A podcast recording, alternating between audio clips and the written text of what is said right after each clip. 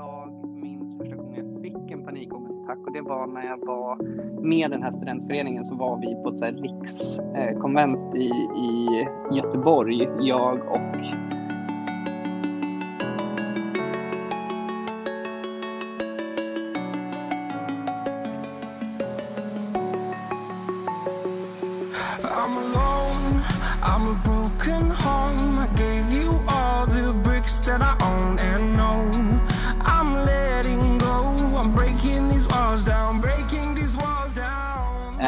person som jag pluggade med då, då och eh, vi var där och satt på ett sånt här riksmöte och under riksmötet så känner jag bara helt plötsligt så här, jag bara, nu kommer jag svimma. Fick bara den känslan att jag, jag kommer svimma nu. Eh, Mm. Och sen så kände jag hur jag började må sämre och sämre. Jag fick tryck över bröstet. Eh, pulsen gick upp och började slå i öronen. Jag fick svårt att få luft eh, och eh, kände att bara så här, det är inte svimma jag håller på att göra, jag håller på att dö. Alltså det, är- det är det som händer just nu. Jag kommer, jag kommer dö här, kroppen håller på att ge upp. Liksom. Eh, och var helt övertygad om att det hände. Eh, och sen så var det någonting som gjorde att hela den situationen bröts. Jag vet inte om jag till slut ställde mig upp eller, eller vad jag gjorde, men, men någonting gjorde att jag liksom började lugna ner mig och mådde bättre. Och sen så tyckte jag, oj, det där var konstigt. Det berodde nog på att jag sovit lite eller något sånt där. Så tänkte jag inte mer på det. Eh, sen så kan jag inte säga exakt när andra, eh, andra gången det hände, men det, det hände igen.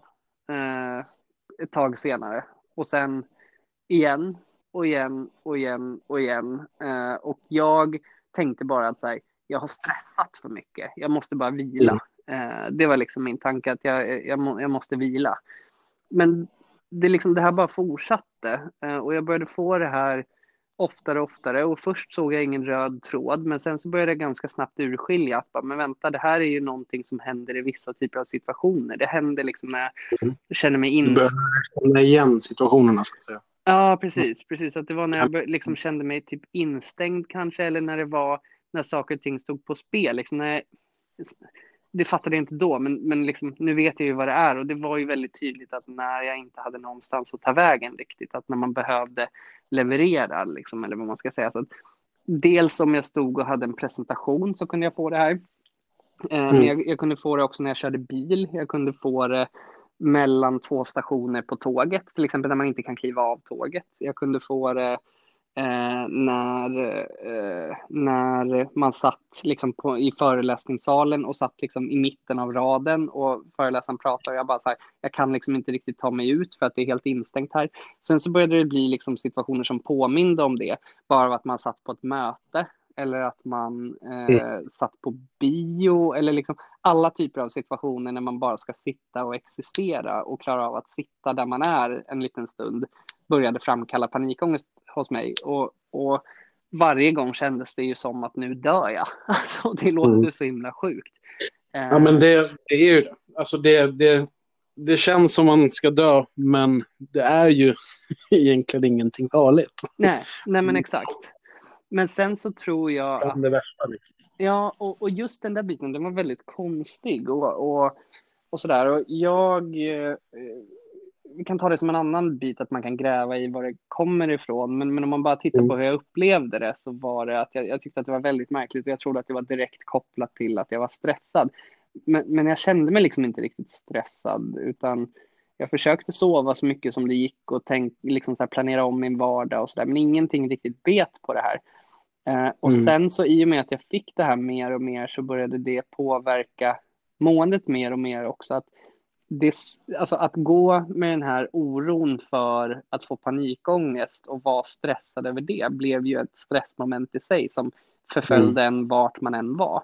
Man inte kan kontrollera när det händer. Liksom. Exakt, så att det liksom med, med liksom ökad exponering hela tiden och ökad frekvens och allt vad det är gjorde ju att jag över tid började utveckla, tror jag vad det var i alla fall, stresssymptom också utav panikångesten. Så att det blev, blev liksom två delar, så att jag faktiskt blev stressad av någonting som förföljde mig vart jag än var. Eh, och det har man liksom läst om stress så är ju stress liksom en beredskap för att kunna hantera farliga situationer. Men när farliga situationer följer med dig vart du än går så blir det inte särskilt hållbart. Alltså då är det ju bara en tidsfråga innan kroppen kommer krascha, vilket jag tror att Mm. jag var på väg att, att göra. Och där finns det en tydlig brytpunkt för mig. Alltså, det, panikångesten började 2015 på våren och vintern 2018, nej, panikångesten, jo, panikångesten började 2015 och vintern 2018 eh, så var vi på bio, jag och en kompis och kollade på eh, Queen-filmen, den här Freddie Mercury. Eh, och Mm. under hela den här perioden fram till dess, så även om jag hade mått dåligt av det här, mått fysiskt dåligt och så, eh, så förstod jag liksom aldrig riktigt att det var panikångest. Jag, förstod, jag trodde att det var lite stress och sådär, men jag fattade liksom inte att det var ångest det handlade om. Jag trodde att det här var fysiska symptom. Jag, jag förstod inte att det här faktiskt är kopplat direkt till ångest. Och det är så himla konstigt, för det här är vad jag läst på Mm. universitetet. Men jag trodde ju att det var något fel på mig. Jag trodde ju att eh, jag trodde ju att jag hade fel på sköldkörteln och jag trodde liksom jag har varit på så många läkare och utrett de här symptomen som jag haft. Jag, jag fick yrsel, jag var och kollade upp synen och då visade det sig att jag hade fel på ögonen. Eh, men även fast jag fick glasögon och började se bättre så ändrade inte det hur jag mådde.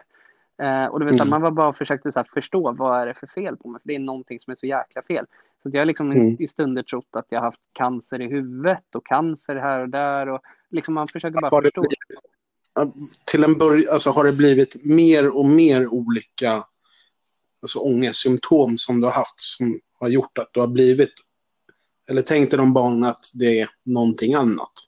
Ja, eller alltså man mår så jävla dåligt och det uttrycker sig så fysiskt så att, så att Mm. jag, jag kunde inte tänka mig att det här kunde vara lite ångest utan alltså att det, var, det kändes så himla mycket mer allvarligt det man gick igenom och så fysiskt, inte psykiskt. Så att det var Mm. liksom, jag kunde inte tro att ångest skulle kunna ha sådana fysiska effekter på en och hur man mår och, och så. Men, men jag, det är viktigt att belysa att under hela den här perioden, så att även fast jag mådde så pass dåligt som jag gjorde, så var jag ju, jag var ändå pigg och glad. Alltså jag var så här, ja, det var svårare att leva, men jag var ändå glad och tyckte att livet var ganska härligt att leva. Men just när jag var och såg den där bion om Freddie Mercury och han gick runt där och hade aids och liksom, det bara på något konstigt sätt satte sig på mitt huvud och jag kunde inte få bort tanken om liksom döden och, och kunde inte Mm. släppa det. Jag kunde inte cirkla mig ur tanken om att man kommer dö och fick liksom för första gången i livet dödsångest. För att helt plötsligt så kändes döden så jäkla mycket närmre än vad jag någonsin hade gjort förut. För att jag var övertygad om att någonting var fel på mig och snart, snart så brister allting. Det var bara den enda övertygelsen jag lev, levde med. Liksom att snart skiter sig allt för att det är någonting som är så fundamentalt fel i min kropp och det går inte att hitta någonting fel. Men snart kommer det komma fram att jag har en cancertumör i huvudet eller något sånt där. Jag var bara helt, helt övertygad.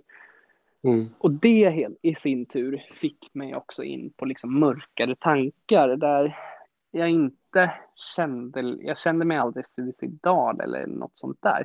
Däremot så Mm. kände jag ju att om livet ska vara på de här premisserna, alltså att det är så Mm. här jag ska må resten av livet, då är jag inte lika övertygad om längre att jag tycker att livet verkar så jäkla liksom bra som jag har tyckt innan om man säger så. Mm. Eh, och och liksom, det ändrar ju en hel grundinställning till, till livet. Liksom. Och, och, Mm. och, och det blev väldigt konstigt. Och sen så i och med att det satte sig så mycket mer på sinnet så var jag ju i ett, i ett tillstånd där, liksom, där jag, om, om jag och Linnea pratade om så här, ja, vad man ska göra i sommar.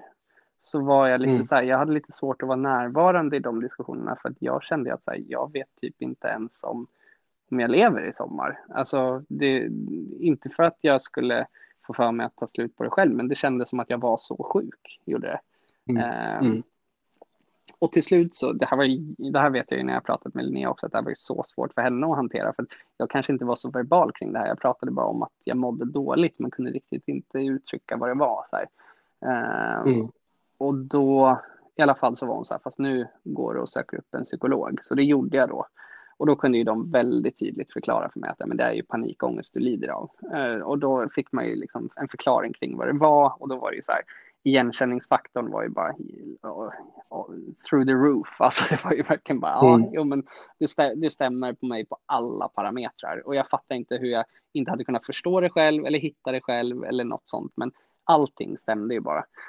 Så jag började gå en psykolog och prata, eh, men jag tror att jag, även om jag lärde mig väldigt mycket om mig själv och så där, så tror jag att jag hamnade lite fel. Jag hamnade hos en psykolog som sysslar med eh, vad heter det, psykodynamisk terapi, alltså att man gräver i det undermedvetna och, och försöker hitta sånt i ens, ens eh, liksom bak, bakgrund och historia som, som kan ha gjort att Mm. man reagerar på saker som man gör nu och så vidare. Och jag var inte så Mm. intresserad av de bitarna, jag ville ju bara liksom lära mig att tolka verkligheten eller ja, uppfatta verkligheten på ett sätt som gjorde att det blev lättare att liksom leva och orka eller vad man ska säga. Eh, så att det Mm. blev inte helt rätt. Så att nästa Lättare att hantera de situationerna med också, eller?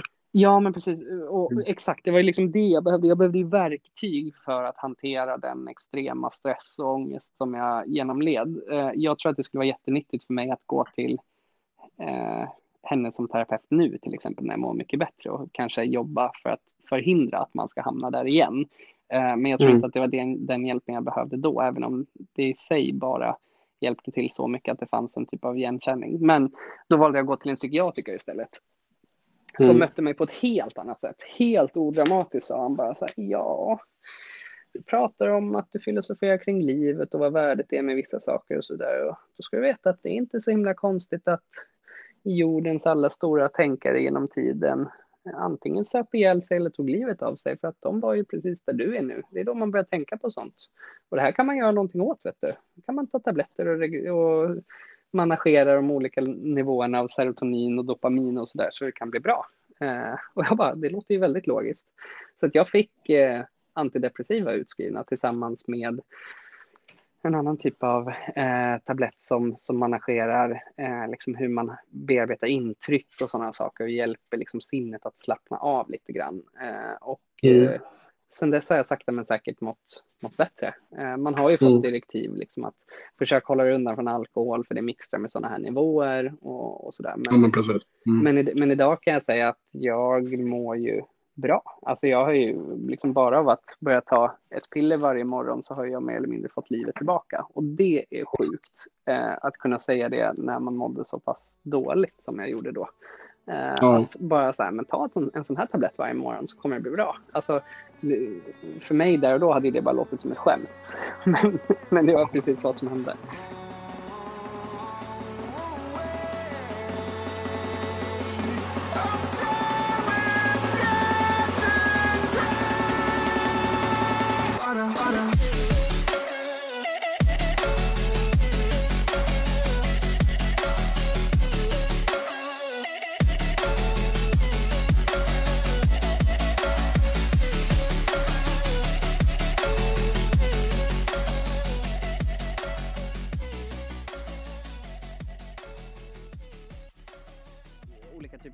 Mediciner som man kan ta om man känner att man håller på att gå in i liksom en, en, ett panikångeststadie. Mm. Eh, Behovsmedicin, om man ska fuska till.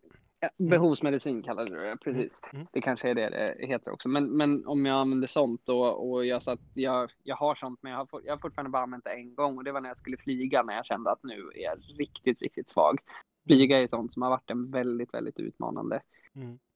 Liksom, situation för mig att sätta mig i just i och med att eh, tätt kopplat med panikångest är ju agorafobi, alltså att man har torgskräck och eh, livrädd för att sätta sig i situationer där man inte har någonstans att fly. Liksom. Mm. Mm. Ehm, och då har ju flygning varit ett av de absolut värsta, så då tog jag en sån tablett eh, en gång när jag skulle flyga. Han inte känna hur det kändes utan jag somnade som ett barn bara och vaknade när planet landade. Så att det, funkade ju uppenbarligen, bara det är jävligt avslappnat. Kommer du ihåg vad den, eh, vad den hette? Vad det var för någon? Nej, det gör jag inte. Det skulle jag kunna kolla. Eh, Kan det ha varit sam- Lergigan? Möjligt. Jag, jag, jag kommer faktiskt inte ihåg. Jag ska, ska se här om jag hittar det. Du kan fortsätta kommer- prata själv. Jag kommer ihåg i, i början när jag tog, när jag fick den, min behovsmedicin Lergigon. Eh, Ja. Det är en av dem jag har nu, jag har två olika. Men den, alltså jag vart ju hur trött som helst också. Jag vart ju helt sänkt. Ja. Men eh, sen vet jag inte om man kan vänja sig vid den, för det kändes inte som att det gav samma effekt sen. Fast då tog jag den ganska regelbundet när det var som värst. ja, just det. Jag hittade inte själva tabletterna. Men, men, eh, Nej, jag vet inte. Jag, jag har faktiskt ingen... jag har faktiskt ingen erfarenhet där. Det, enda, det, det, är möjligt för att han, när han skrev ut dem till mig så sa han att det här ska du vara jäkligt försiktig med för det här är beroendeframkallande. Ja, nej men då är det inte Legigon. Då... Nej, okej. Nej men du vänta, jag har fan för mig att du kanske sa någonting vad den hette förra gången. Nej men det, det, Det är någon det är benzo- den som... Nej men det är den som jag tar, jag, jag tar citalopram heter det. Det Ja är det, det som mm. påverkar nivån av serotonin. Eh, också ett så här jätte, jättegammal eh, psykofarmaka som, som, är, alltså, som man har använt i hur många år som helst. Och man använder inte bara på människor utan liksom hittar du liksom en hund på gatan som, som liksom är sönderstressad och rädd för allt och sånt där för att den har blivit elakt behandlad. Du kan ju smyga ner lite citalopram i maten på hunden så mår den jättebra efter det också. Så liksom, Okej. det är ehm, och, och det blir man inte, bero, eh, det blir man inte beroende av på det sättet, utan det är liksom sakta men säkert stabiliserar ut över tid. Alltså, Mm. skulle Linnea här hemma få för sig att eh, knapra i sig mm, liksom, några av mina citalopram-tabletter så skulle inte hon känna någonting. Så att hon har normala nivåer av det. Mm. Det finns liksom ingen kick, det finns ingen andrahandsvärde i det, utan det finns liksom, det är bara för mig de funkar, de funkar inte för dem som redan mår bra. Liksom. Mm. Ja men precis. Ja, där är ju skillnad med kanske insamlingstabletter. Mm. De funkar ju för de flesta. Ja, ja precis, precis. Nej, men, men, men det, det är lite sjukt hur det funkar. Att bara, bara att, man, att man vet att man har den där tabletten och att den funkar är ju också som att den minskar känslan av liksom, den här instängda situationen. För att jag vet att jag har en väg ut. Jag behöver bara Ja, ta den här tabletten så kommer jag slappna av. Och då helt plötsligt så känner jag mig inte lika instängd längre. Och då dämpas ångesten. Det är lite konstigt liksom att hjärnan funkar så. Men, men det är vä- väldigt påtagligt att det faktiskt Mm. är så. Mm. Eh, faktiskt. Eh, så så funkar det med, med det. Eh, men det känns, det känns ändå kul att kunna dela med sig av sådana här saker just för att jag tycker att jag själv var en, var en person som verkligen, i och med vad jag har pluggat för någonting, att jag läst just det här, att jag verkligen, verkligen borde haft koll på vad det handlar om och borde ha förstått direkt själv liksom vad det var som började hända med mig när jag började må dåligt och sådär. Men att symptomen var så pass fysiska och inte psykiska så att jag inte, inte fattade det. Jag tror, som sagt, jag har ju nämnt innan, jag tror det var någonting helt annat. Men det känns väldigt intressant att kunna dela med sig av, av det oavsett om det är två personer som lyssnar eller, eller eh, liksom 2000 personer som lyssnar så kanske det är någon man, man hjälper med det. Och jag kände ju liksom både jag kände ju overklighetskänslor, jag visste liksom inte vad det var. Jag hade ju som sagt tryck över bröstet och, och sådär. Men, men jag var ju liksom att jag började komma på i konstiga tankar och jag var att jag hjärtat började spöka och, och, och sådär. Och, så, sen så fick man ju liksom ett inåt fokus. Jag hade ju koll på allting som hände i kroppen hela tiden. Man började övertolka signalerna i sin egen kropp. Så att liksom helt plötsligt kunde man tänka så mycket på stortån så att det kändes som att det är fel i stortån. Alltså man levde liksom internt. Eh, jag reagerade på saker som händer inuti kroppen hela tiden. Så att liksom, en annan människa som mår bra kanske har samma saker som händer inuti kroppen. Men man går inte och tänker på allting som händer inne i kroppen hela tiden. När man är övertygad om att någonting är fel i en. Så bara att man får en så här rysning, kanske för någon inte, någon som är frisk kanske inte ens reagerar på det, men för mig så var det så här, vad fan var det där? Eh, det här känns jättekonstigt. Och sen så Mm. börjar man noja över det och sen så är plötsligt så jagar man upp sig själv och sen så, så mår man dåligt och så är det liksom som ett negativt tankemönster som man är i som man liksom inte riktigt kommer ur. Och då är det ju fantastiskt att man kan fuska lite med tabletter som bara bryter den onda spiralen. Nu kommer jag inte ens, när jag sitter och pratar om det nu, det var inte så länge sedan jag kände så här, men jag kommer typ inte ens ihåg riktigt hur det känns. Jag, jag, jag vet det för jag har pratat så många gånger om det, men, Mm. men jag kommer inte riktigt ihåg hur det känns faktiskt ens. Ehm, Nej, jag, jag, kan, jag kan känna igen det också. Alltså, nu har inte jag behövt ta behovsmedicinen på ett tag, just, men det är just för att jag har en annan jävla yrsel som pågår. Så det blir mer Ja. fokus på den. Men man typ, det är lite som du säger, det räcker nästan med att man har den där behovsmedicinen. Det hjälper ganska mycket att då vet man att man har en utväg. Att ja, man, man ja, det lugnar ner en på något sätt. För det känns inte som att man, jag vet inte, det, det behövs inte, typ.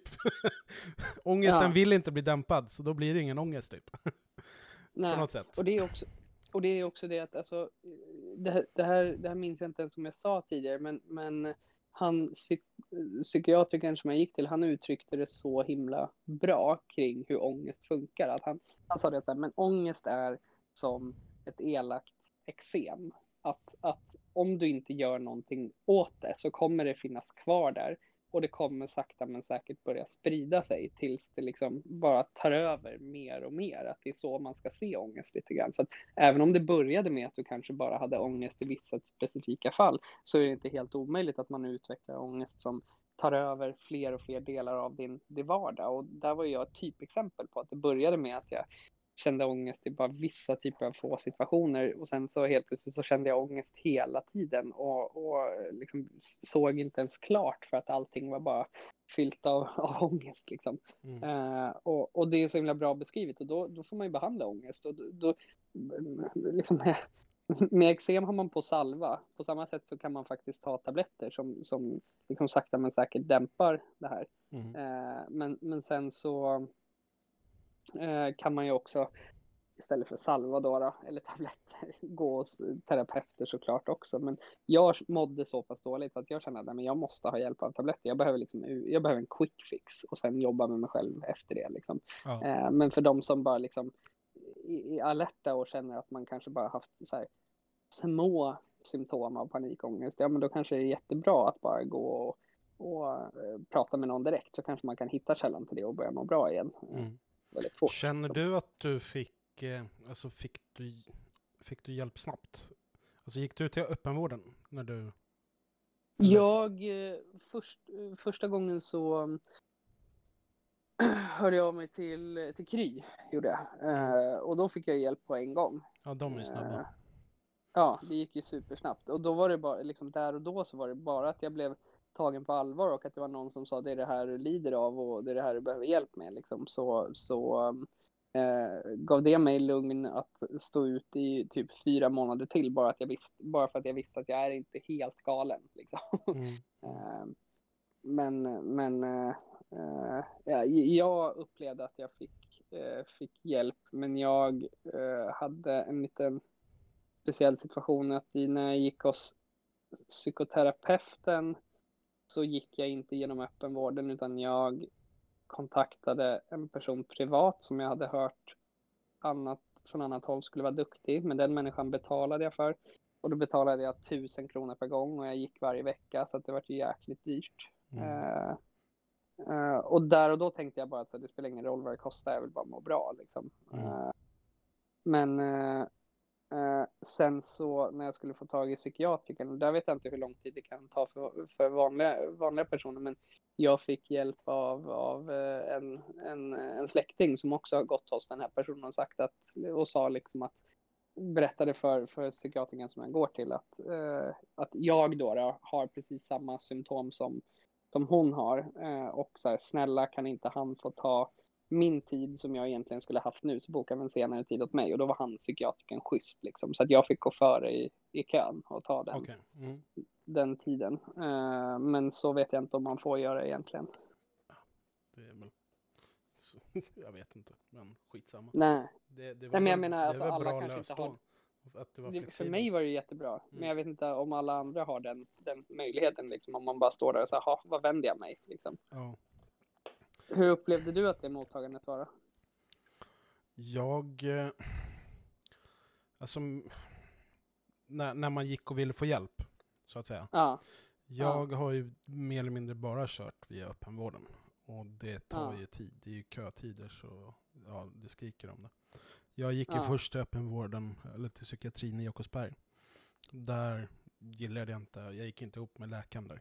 Så då bad jag om och fick byta till psykiatrin Nordväst som är vid Karolinska. Det var ju där jag gick Mm. till mobilakutenheten.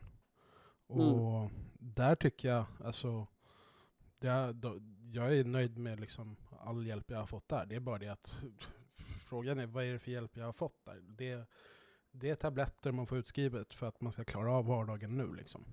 En quick Mm. fix. Men sen är det Mm. liksom, det är följa upp på medicineringen och det är typ Ja. samtal varje vecka och sen att man står i kö för typ, de erbjuder gruppterapi. Så det är Mm. det jag har stått i kö till. Och nu ja, ska jag äntligen få börja det då. Så 20 Mm. oktober ska jag på första besök. okej. Så det är, ja, från, vad är det, 20 februari vart jag sjukskriven, så säg slutet av februari fram till nu då. Det, Mm. det är kötiden på gruppbehandling där. Mm. Så det är ju, vill man ha snabb hjälp och verkligen få träffa en psykolog också till exempel, för det erbjuder de inte där. Då måste de Nej. skicka en remiss till en annan enhet. Då är det ju Ja. privat. Och där, Ja, där blir det ju jobbigt, för jag menar, är man sjukskriven, det är inte så att man har gott om pengar då. nej, Betala, Nej, precis som du verkligen. säger, betala tusen spänn per Ja. tillfälle hos en privat psykolog, det är jobbigt. Men å andra men sidan, det kan vara det som behövs också.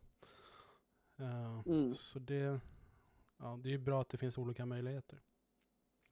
Ja, verkligen. Det, men, men, men där vet jag att eh, det finns ju, eh, alltså genom, genom Kry så kan du ju få samtal med psykologer på en gång om man inte känner det här behovet av att Ja, träffas live så, Mm. så har, har de ju faktiskt det. Sen så är det KBT, ska man ju veta. Ja. Eh, att det inte är så här psykoterapi på, på det sättet med de här liksom psykodynamiska djupgående eh, varianterna, utan då är det ju mer liksom så här, du har ett faktiskt problem, du lider av ett faktiskt symptom, eller du har faktiska symptom, så här botar vi de symptomen. Man tittar ju inte på själva roten till problematiken, utan man tittar ju bara på, eh, liksom, okej, du är rädd för, du är rädd för att flyga. Hur löser vi det? Jo, vi, vi jobbar med exponering, eh, för att rädsla och panik är någonting som triggas av stimuli. Och då gör vi, då bearbetar vi det genom ökad stimuli för själva tanken är att man, liksom, man, man föder ångest genom att utveckla ett undvikande beteende och då befäster man ångestens eh, kontroll över den genom att fortsätta undvika. Om jag är rädd, om jag har torgskräck, om jag då börjar undvika att sätta mig i situationer som där jag känner mig instängd och inte kan rymma någonstans, ja då kommer jag ju få total panik när jag är utan kontroll, helt plötsligt hamnar i en sån situation. Men om jag tvingar mig själv att börja utsätta mig för sådana situationer och jobba med metoder för att hantera det, så kommer det till slut gå över för att man märker att det är egentligen inte så farligt som jag trodde det var. Ingenting hände. Mm. Ehm, Det är bara det att när, man, när, när det man är livrädd för är kroppens egna reaktioner så det är, det, det är då det blir tokigt. Liksom.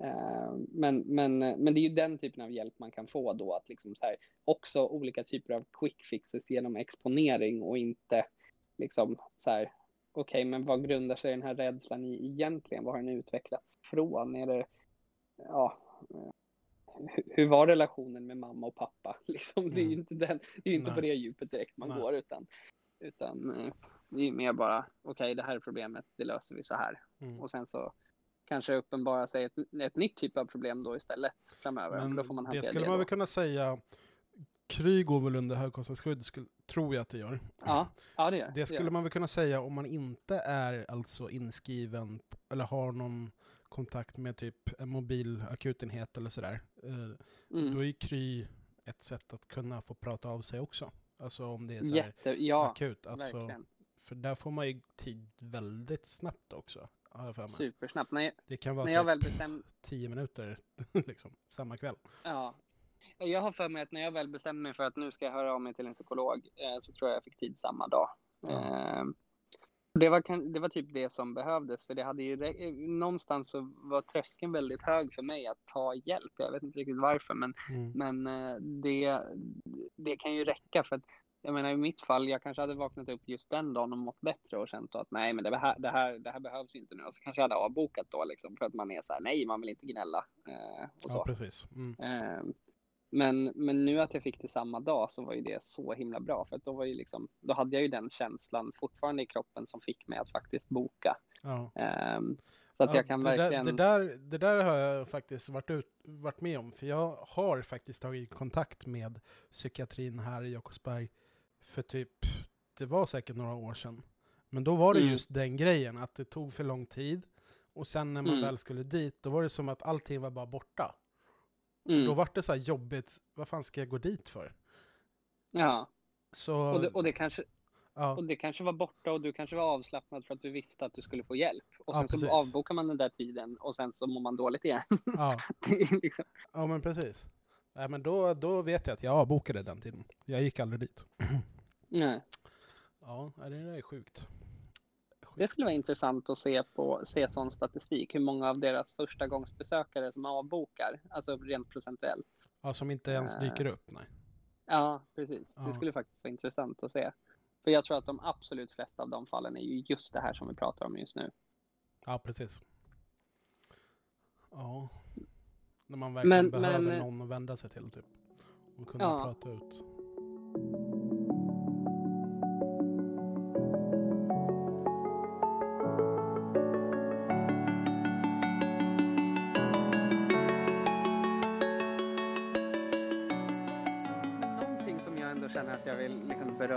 Allt det här också är hur det inte var helt uppenbart för mig, kanske är för gemene man. Eh, så att jag ska liksom, med, med risk för att det låter som att jag tycker själv att jag har kommit till världens insikt här som bara är självklart för alla andra. Men, men för mig var det inte självklart innan jag gick igenom det här att eh, ångest och eh, stress och utmattning sitter så tätt ihopkopplat. Att det är samma mekanismer i kroppen som går igång. Jag trodde ju att ångest var en sak och det var att man var lite deppig. Och stress var en annan sak och det är när kroppen går på högvarv för att kunna undvika fara eller överleva.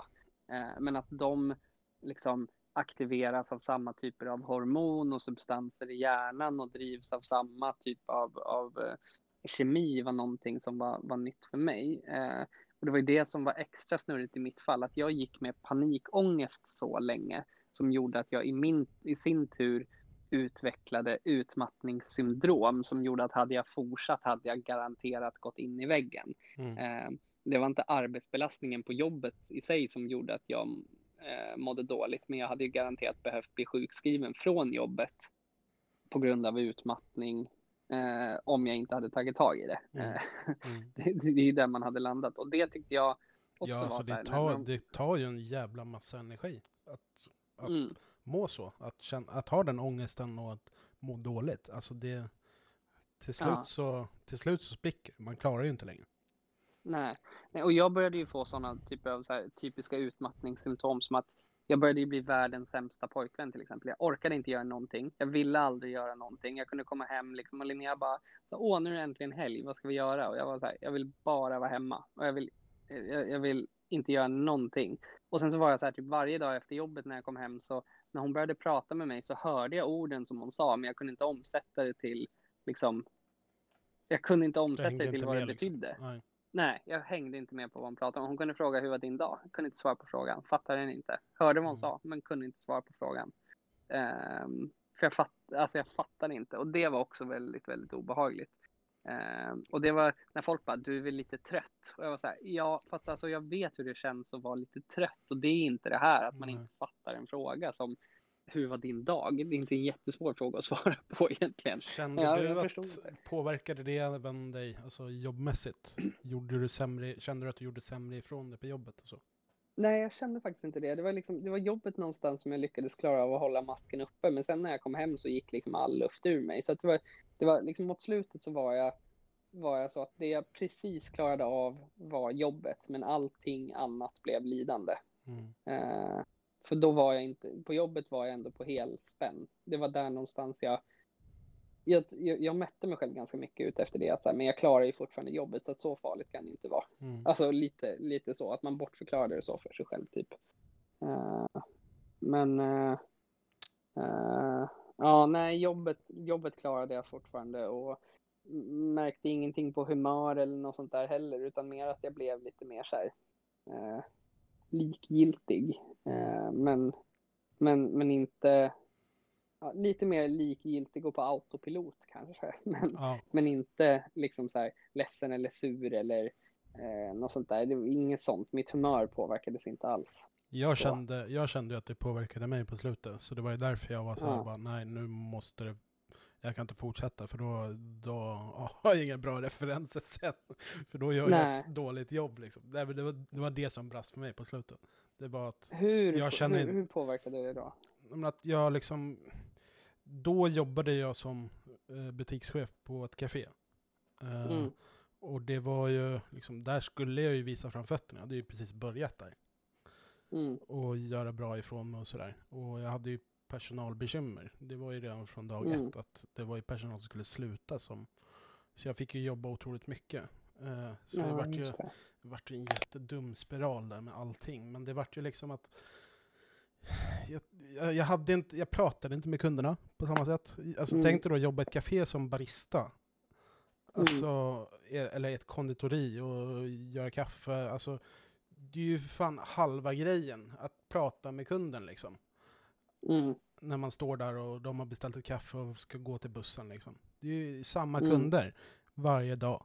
Och jag menar, de kommer ju dit för att man bygger en relation med dem dessutom. Annars hade de Mm. kanske köpt kaffet efter bussen vid, på tågstation istället. Alltså, Ja. så den grejen kände jag ganska starkt. Sen kände jag också så här, jag klarade inte av sen att vara ute i serveringen. Så jag, när vi var två sen som jobbade runt lunchtid, då var det att Mm. jag, jag sökte mig alltid in i köket och sa det, jag kör här inne. För det, Mm. det gick inte på slutet. Liksom. Mm. För då kunde jag inte ens hålla masken. Så då var det, ja, det gick ganska snabbt att jag bara kände, nej, nu måste jag göra någonting. Så då, Mm. då var det att jag åkte, åkte in till Danderyd sen. För då hade det gått Ja, lite långt. Men när, när du har känt liksom, när, du, när det har varit som jobbigast med ångesten. Eh, Ja. Vad har du liksom, vad har du gjort för att liksom försöka dämpa den innan du kom till sikt med hur du skulle göra? Alltså innan du fick liksom så här quick, quick fix tabletter så att säga. Ja, och, och det, det, det som var grejen då var att jag, jag trodde att det handlade om att jag eh, behövde vila. Att det, det var grejen. Jag, tro, jag trodde att jag var stressad och det var lite paradoxalt för att jag upplevde inte att jag var stressad på grund av yttre omständigheter. Jag klarade av jobbet, jag kände mig duglig och sådär. Men jag var ju väldigt stressad av, på grund av allting som hände inuti huvudet och liksom internt. Sådär. Uh, eh, så att jag trodde hela tiden att jag behövde vila. Så att det var ju mitt svar på liksom, om jag kände mig extra ångestfylld en dag så var det bara så här, oj, jag måste vila. Eh, så jag började ju liksom strukturera om mitt liv väldigt mycket. Så jag hade väldigt många dagar där jag faktiskt fick vila, att jag fick sova tillräckligt mycket och, och sådär. Och det Mm. kan säkert ha varit väldigt, väldigt bra sett i det stora hela, att jag faktiskt strukturerade om mitt liv och inte gjorde saker varje dag och hade fullspäckade scheman och så. Det kanske är sånt som, som gjorde att jag klarade av att gå med det här så pass länge och inte gick in i väggen direkt till exempel. Mm. Eh, just i och med att stress och återhämtning och, och ångest och allt det där är så tätt sammankopplat. Eh, men, men sånt som jag gjorde när jag väl när jag väl fick panikångestattacker och kände bara så här, jag får panik, jag måste härifrån, jag vet inte vad jag ska göra, och det bara gjorde ont och brann i kroppen och, och jag kunde inte andas och sådär. Då gick jag över väldigt mycket till att eh, försöka aktivera båda hjärnhalvor. För att jag vet inte vilken hjärnhalva det är som går igång, men när man får ångest så har man liksom skannat mänskliga hjärnan och sett att så här, då är det ena hjärnhalvan som jobbar helt 100% fullt ut och då ska man försöka avlasta den genom att börja göra någonting som kopplar igång andra hjärnhalvan. Kan och då, det vara typ distra, distraktion? Eller? Ja, men precis. Att man hittar någonting. Att man, man börjar tänka rationellt, rationella tankar. Att, att inte om just själva måendet, utan man börjar tänka på någonting annat. Att man tittar på någonting runt omkring sig. Jag tittar på datorn som jag har framför mig här just Mm. nu och tänker så här, hmm, märket Dell, vad står det för egentligen? Börjar resonera Okej, kring mm. det. Vem var det som bestämde att knapparna skulle se ut så där? Och du vet att man liksom aktivt börjar trycka in sådana tankar i huvudet som får ta över snarare än att man bara, jag vill härifrån, jag vill härifrån, jag vill härifrån. Alltså det där är Så så, tryck- intressant, för alltså, just den grejen, jag har försökt det, det har fan inte Ja. funkat för mig. Det har varit mer, jag måste verkligen sysselsätta mig med något annat. Alltså typ så här, Ja. sätta igång någon låt och bara lyssna, eller alltså någon glad låt, eller något annars kör, Mm. kör igång några tråkiga låtar, då börjar jag gråta. Ja. men typ så här, Men- men, eller sätta på någon tv-serie, eller kanske bara ringa någon och bara tja läget, bla bla bla, kommer du Ja. på träningen imorgon? Alltså, jag måste typ så här, bryta mina tankar så. Ja. Eh, för mig räcker det inte bara att tänka så här, alltså börja tänka på någonting och sen försöka tänka iväg inom, inom det då. Nej, nej men och, och, och det fattar jag. Och här kan jag inte säga att det funkade varje gång, men det kunde hjälpa lite grann i alla fall. Men sen så finns det också att man kan jobba med koordinerande övningar. Att du liksom, du kan, jag fick det som tips till exempel att om, om du sitter med skor på dig, så att säga att du sitter på ett möte och att du får det under mötet och du är jätterädd för att det ska synas på dig att du mår dåligt. Liksom. Mm. Då kan man under mötet börja liksom knipa i takt med, fot, med, fett, med tårna, varannan fot. Liksom att du tänker att du har någon låt som du liksom, så här, tänk dig att du spelar trummorna, fast du gör det med med tårna. Vet du liksom. vilken Att- låt jag börjar tänka på nu? Run to the hills. nej, nej, nej, nej, jag fick den här bilden framför mig. Jag har delat den förut. Det är, eh, det är en bild. YMCA. Nej, det är en bild. Jag säger bilderna till den nu så får du tolka vad det är för låt. Det är först... Eh, vänta, jag måste ta fram bilden. Okej, det är först eh, ett Nintendo Wii. Ja. Sen är det Will Smith.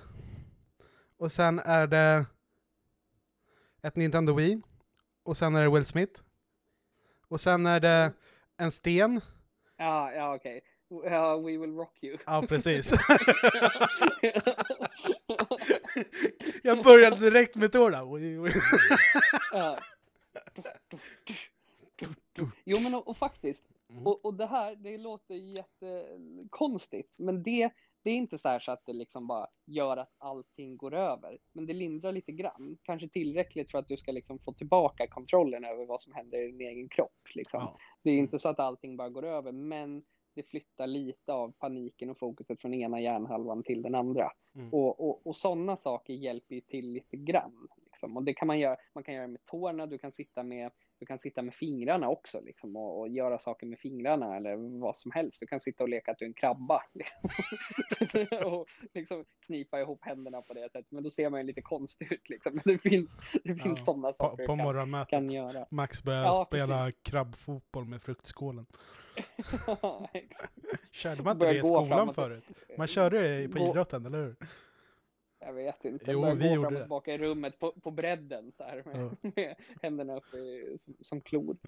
Eh, ja, nej men så att lite sådana lite såna saker fanns det ändå som, som, jag liksom, som gjorde att man där och då kunde liksom överleva i sekunden eller i stunden. Men, men eh, det var ju liksom inte, ja, det är ju snarare bara verktyget för att, för att hantera eh, ångestklimax och Mm. inte, eh, inte att faktiskt liksom bli frisk på sikt utan bara sånt man kan tillgå istället för att ta en sån där tablett. Då. Efter Eh, att, hade- efter att du fick hjälp, eller har tagit hjälp så att säga, tagit Ja. hjälp själv, för det är ju det man gör. mm, Mm. Har du fått något något tips för hur du kan lindra ångesten som har funkat från till exempel psykolog eller vården eller sen någon du har träffat? Något som ja, Eh. men det här funkar, det här funkar som fan för mig. Det kan vara allt från typ andningsövningar till att du börjar måla, rita eller skriver ner vad som händer eller Alltså, jag här... De, börjar de, gjorde, ifrågasätta dina tankar typ. Eller, ja. de gjorde en häftig sak. Gjorde, hon, psykoterapeuten som jag gick till och betalade för att gå till, hon gjorde en häftig grej. Hon, hon betingade mig. Alltså, vi, hade, vi hade en session som helt och hållet gick, gick, igenom på, gick ut på att hon mer eller mindre, inte satte mig i trans, men liksom aktiverade mitt känslomässiga register. Liksom att vi, vi började med att vi, vi pratade om, vi målade upp, käns, vi målade upp så här, situationer där jag kände att jag kunde bli arg till exempel. Och så här, hur känns det när man blir arg? Vart någonstans känns det i kroppen? Då ska man försöka översätta det till ord. Och sen så gick vi över till hur känner man sig när man känner sig rädd? Och du vet, så här, för att börja kunna filtrera i, i, i de olika känslorna som man upplever. För att när man har ångest upplevde jag i alla fall att det är bara en enda mix av allting. Man kan inte säga om man är glad eller ledsen eller arg eller, eller orolig eller äcklad eller vad man än är. Det är bara liksom så här emotional overload liksom. Mm. Eh, och och ehm, då så gick vi in väldigt mycket där på glädje och behag, alltså positiva känslor. Hur känns det? Mm. Typiska situationer när man mår väldigt, väldigt bra liksom och, och, och sådär. Och sen så bad hon mig då att, att erinra mig, alltså att tilltala alla delar av minnet, alltså inte bara så här det här vad säger man, den episodiska delen av minnet som nu när jag sitter och återberättar om det här samtalet med henne utan också liksom minnena, minnet av lukt och känsel och, och liksom allt sånt där, att man aktiverar allt så att hela kroppen är med på vad det handlar om. Liksom. Mm. Vi har ju olika delar av minnet som går att aktivera på det sättet.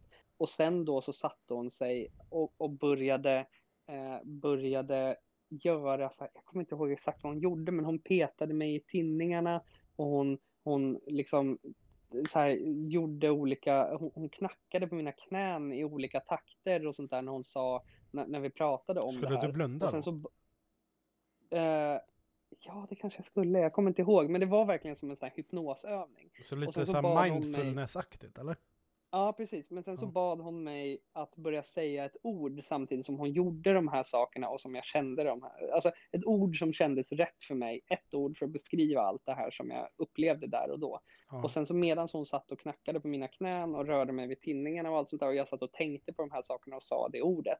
Eh, så, så liksom så rotade man nya minnesspår i hjärnan som av att säga det här ordet så kommer jag direkt känna de här sakerna. Så att hon gav mig det verktyget av att bara sätta mig ner och, och blunda och, och säga det här ordet tyst för mig själv. Så gjorde det att jag började må bra. Eh, Mm. och det funkade. Alltså det funkade verkligen. Att liksom när jag skulle, när jag skulle flyga till exempel, som var det läskigaste jag kunde göra, då kunde jag gå tillbaka och tänka på, på just de här sakerna och säga det här ordet tyst för mig själv. Och det gjorde att jag liksom, axlarna sjönk lite och jag kände att jag kunde andas igen och, och, och mådde bättre och, och, och sådär. Mm. Ehm, och det var ju väldigt, väldigt häftigt. Jag trodde när hon bara så här, nu ska vi göra, ja men typ, jag vet inte vad hon kallade det för, om det var mindfulness eller vad det var, men jag kände att, ja, min inställning var så här, det där tror inte jag riktigt på, men okej, men okej okej, då. vi kör. Ja, exakt, exakt. Jag ska inte vara den. Liksom, nu, nu sitter jag ändå här och ber om hjälp, liksom, Ja. så att då kanske jag ska vara lite öppensinnad. Men det funkade. Eh, och det var faktiskt häftigt. Det där, ja, men det där påminner lite faktiskt om när jag var inne på Danderyds på Mm. psykiatrisk avdelning när jag var där en vecka. Då eh, hade de någon sån här mindfulness-grej typ en gång typ, eller två gånger den veckan. Eh, då jag kände verkligen så här, jag var med en gång. Jag var så här, ja, jag testade att se vad det är. Men ja, jag vet inte, jag vart inte speciellt såld för det just Nej. då. Men det var väl något sätt att bara komma ner alltså, i varv typ och bara liksom Ja. vara där i nuet typ. Ja, Men, Ja. det, men det funkar säkert för vissa och vissa kanske funkar, finns det annat som det funkar bättre för. ja. Ja, Jag, tycker, jag tycker också sånt här är svårt. Jag är ju tyvärr inte i kontakt med den sidan av mig själv alls, där man bara kan njuta av att sitta och liksom göra såna här mindfulness-grejer. Jag tycker att det, jag känner mig tramsig när jag gör det och det är ju någonting som man bara ska komma över. Det är ju jätteonödigt att känna sig, liksom vem känner Ja. jag mig larvig för? Alltså, Ja. det, det, är ju bara att göra egentligen. Ja. Och om det hjälper så är det ju asbra. Men, är, men är du också där- den personen som säger man vill öppna ögat och se vad alla gör typ? Ja, men lite så. Alltså, jag har lite svårt att vara fullt så avslappnad i Ja. Sammanhangen som man bör vara för att det ska funka, Mm. tror jag. Men då är det väl skitbra att det funkar alltså, för dig med att göra det med bara en person. För Ja. sitter du i en grupp, då kan det vara ännu svårare att liksom känna att lugna ner sig och sådär. Komma in i. Ja. Men om man Ja, är men och- själv och så det- blir det lite annorlunda. Och det är ju faktiskt, för att jag hade gått hos den här psykologen många gånger då och hon tänkte det att du sitter där i en timma och pratar bara om dig själv. Vad jag än säger så väger hon aldrig in sig själv på ett enda sätt i det jag säger utan hon ställer bara frågor vidare kring mig så att vi Mm. pratar bara om mig hela tiden. Hon får mig att berätta saker som jag kanske inte ens har förstått själv att jag faktiskt tänker just för att hon hjälper mig att gräva så mycket i vad jag faktiskt känner och tycker och tänker. Man brukar ju stanna vanligtvis vid att så här, ja men sån här är jag, ja men varför då? Ja men varför då? Varför då? Och så bara gräver hon djupare i en så att hon vet ju bara på att vi har suttit några gånger så vet ju hon vissa saker om mig som jag knappt visste själv men som ingen annan i mitt liv vet om mig. Liksom förbjudna tankar som jag har haft, saker som jag har känt och så vidare. Eh, och, och jag vet knappt vem människan är men hon dömer inte mig. Jag kan sitta där och säga hur konstiga och tokiga saker som helst. Så att Mm. den miljön som man hade där och då eh, är ju så pass trygg så att det, det, liksom, det finns ingen att öppna ögonen och kika på eller det finns inget larvigt. Man, man har liksom, allting är bara okej här och nu. Eh, och vi sitter bara och gräver i vad som rör sig i mitt huvud faktiskt. Mm. Och, och det någonstans tror jag gjorde att det här funkade också. Hade jag fått för mig att försöka, även om jag hade läst på i teorin hur man gör en sån här betingning så är jag inte helt säker på att jag hade kunnat göra det på, på dig till exempel. För vi hade skrattat och larvat oss för mycket tror jag. Som en början kanske. Ja, ja precis. Så jag bara, kockor. Ja, precis, precis. Sitt, sitt här tyst nu och tänk på ett ord som får dig att må bra och så pruttar du. Alltså något sånt där liksom. Hallå, det, det, det där är ju vad du hade gjort för fan. ja, men det alltså- har inte gått på samma sätt tror jag. Podden, jag ska någon gång spara klippen som Max skickat till mig. Alltså, ni kommer bli äh, förvånade alltså. Förvånade. Jag vet inte, jag vet inte vad han pratar om. jag vet inte vad han pratar om. Nej. Hur hade inte vi en grej någon gång förut när vi jobbade tillsammans? Att vi alltid tog en bild med typ tummen upp eller någon så här andra eller tredje gången man gick på toa typ. Ja, man, man skickade bilder och visade med fingrarna vi- vilken gång i ordningen det var att man var där under dagen. Ja, så var det ja. Det var Jakan-tiden va? Det var Jakan-tiden. Ja. Jajamän. Härliga tider. Men du, Härlig tid. Ja hur ser din vardag ut? Har du behövt planera den annorlunda på grund av panikångestgrejen? Eller har du tagit det som det har gått bara?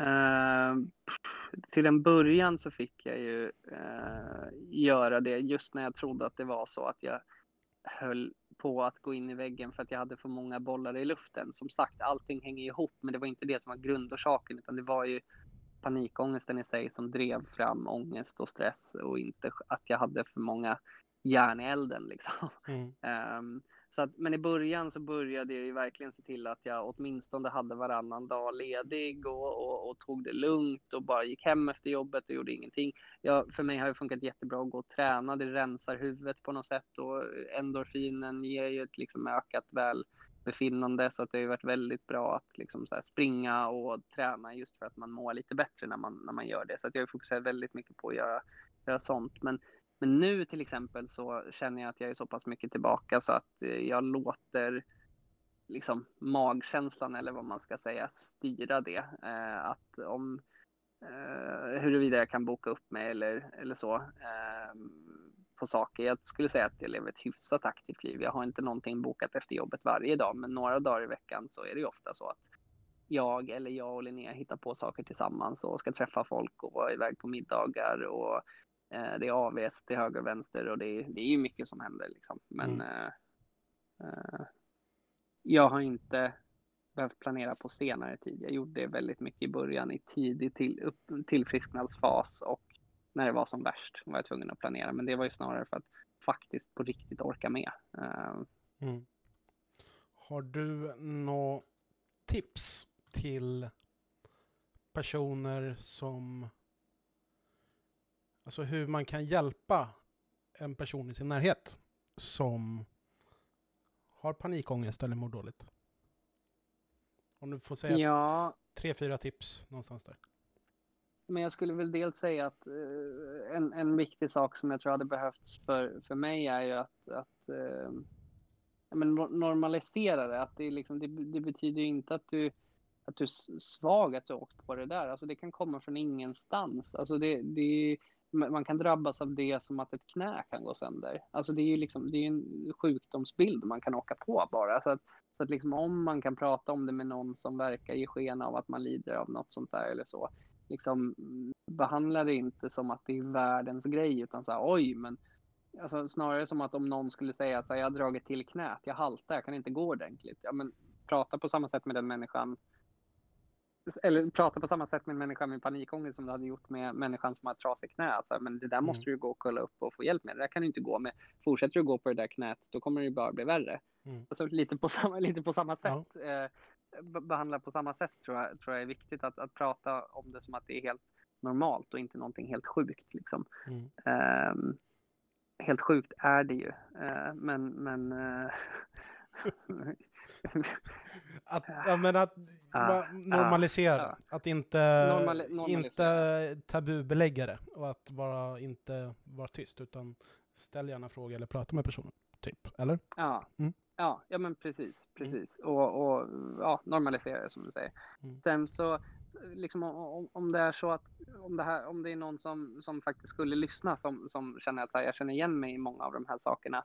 Eh, gå in och googla panikångest, kolla vad som finns. Det finns jättebra på typ 1177 om vad det faktiskt handlar om och sådär. Känner man igen sig i det som står så tycker jag att man ska söka hjälp på en gång. Jag sökte hjälp jättesent så att även om jag fick liksom verktyg för att hantera det så var inte det riktigt tillräckligt för mig. Är det i tidiga faser, ja men då kanske det räcker mycket väl med att man får lite verktyg och sen så går det bara över. Mm. Men, men sök, sök hjälp, försök hitta igenkänningen och sök hjälp så snabbt som det bara går. Alltså för att ju längre man går med det, desto djupare sätter sig rötterna. Ehm, så det skulle väl vara ytterligare ett tips. Och sen, Men det, det Sen tipset skulle- är direkt till personen i fråga i så fall. ja. Du, Eh, ja, nu ska du sova.